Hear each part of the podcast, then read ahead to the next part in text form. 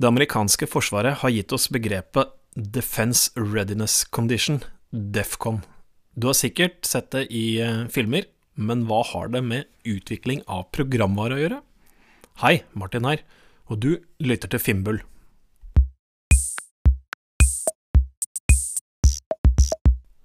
Høsten 1959 laget det amerikanske forsvaret en skala som skulle fortelle noe om spenningsnivået i en eh, konflikt, og hvilket beredskapsnivå man måtte ha for å være ovenpå i eh, situasjonen.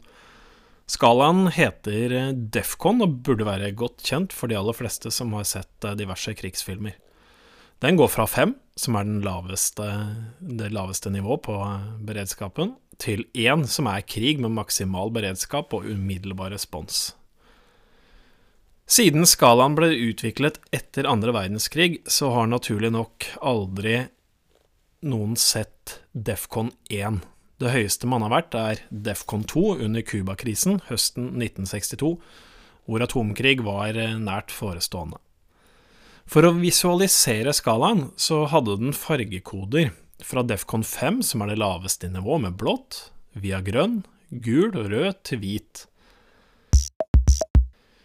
Defcon har eh, heldigvis liten relevans til vår egen hverdag, men den har en metafor og et element som jeg syns man kan bruke som et enkelt styringsverktøy i hverdagen.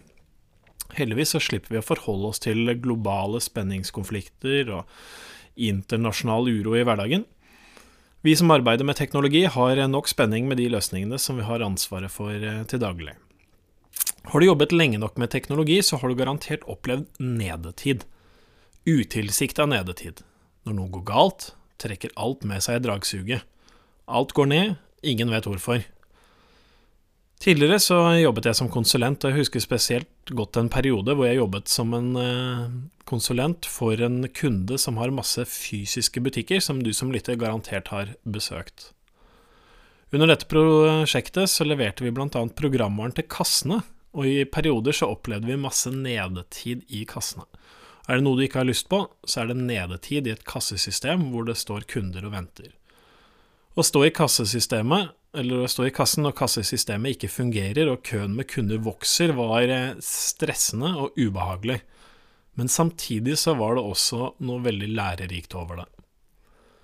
I dag så har jeg produktansvar for en av de største IT-løsningene i Norge. Og rett før jul så hadde vi en av våre mest omfattende nedetid i løsningens historie.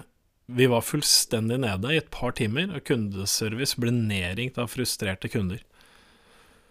I motsetning til nedetiden jeg refererte til som konsulent, så var nedetiden før jul mindre stressende av flere årsaker. Først og fremst fordi det selvfølgelig ikke sto en kø av kunder og titta over skulderen, som ikke fikk betalt, men også fordi tidligere erfaring har lært hvordan man skal forberede seg for nedetid og katastrofer.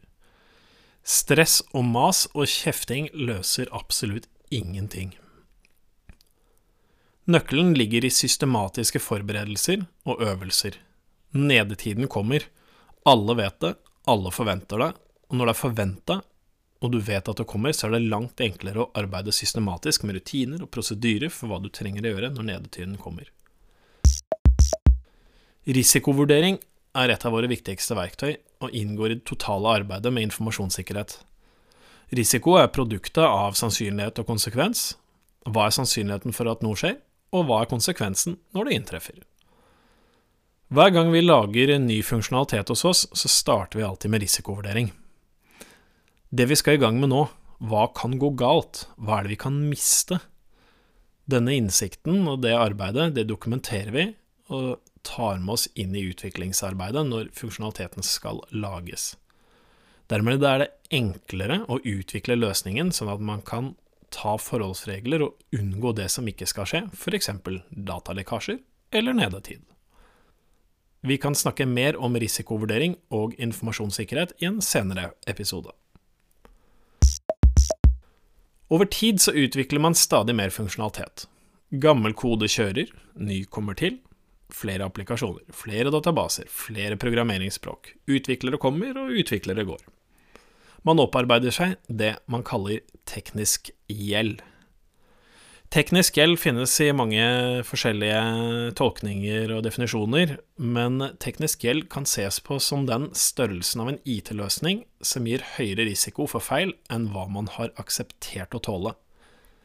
Teknisk gjeld er dårlig skrevet kode som noen bare skulle få fort ut og så fikse senere, men som aldri har blitt gjort, typisk fordi man skal rekke en frist.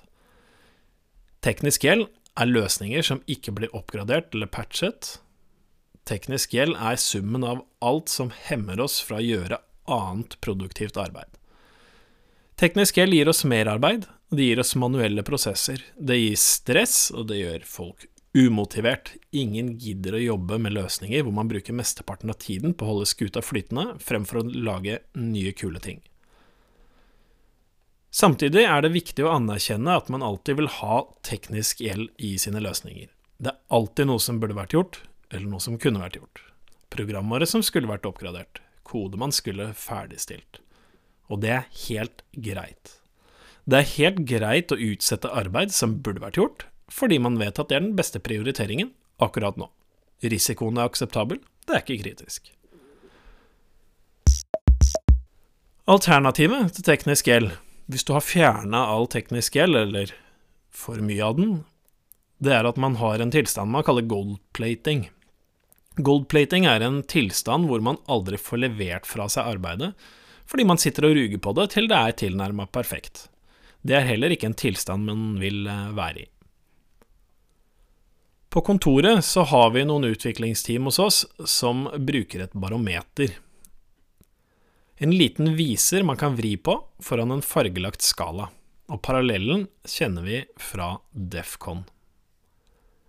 En gang i uken så stiller utviklingsteamet på barometeret, i fellesskap. Hvordan føler vi den totale kvaliteten på løsningene vi har ansvaret for, er akkurat nå? Hvordan er magefølelsen min når jeg går inn døra på jobben? Er den myk og fin, eller er den litt hard og stram? Gleder jeg meg til å gå på jobb, eller gruer jeg meg?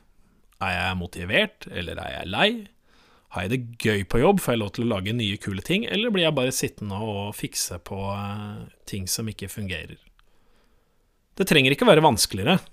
Det fine er at alt lar seg løse. Det er jo, i anførselstegn, bare teknologi. Vi kan fikse det, det er vi som har laget det. Det er opp til oss og ingen andre. Det er bortkasta å prøve å måle teknisk gjeld maskinelt. Du kan heller snakke med dem som arbeider med løsningene, og dem som drifter den. Sørg for at folkene dine har det bra, at de trives på jobb, at de er fornøyd med nivået på teknisk gjeld, og har de ikke det, så er det din oppgave å prioritere og bruke tid på at de skal få det bra. Tusen takk for at du lytter til Finnbull. Vi høres!